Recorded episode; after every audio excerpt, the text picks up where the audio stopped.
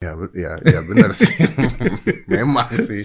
Jadi kita kerjain aja karena udah saya mungkin dari masih aktif tentara senang olahraga ya saya pelihara sampai sekarang. Karena Pak, gini Pak, saya juga merasa gini, bahwa kan banyak sekali postingan orang meninggal karena COVID. Menurut saya, ini pertama mohon maaf buat eh, teman-teman dan turut berduka cita buat semua yang meninggal karena COVID. Tapi menurut saya ada satu hal yang kekurangan di sini Pak. Biasanya orang posting orang meninggal karena COVID, tidak menyertakan komorbidnya dia Pak. Ini saya bukan mengatakan COVID nggak bahaya Pak ya. Hmm. Kalau nggak ada COVID ya mereka nggak meninggal gitu. Hmm.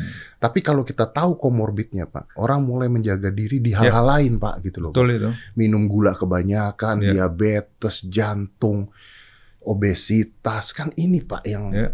itu gitu loh. Saya, Saya betul seribu persen benar itu.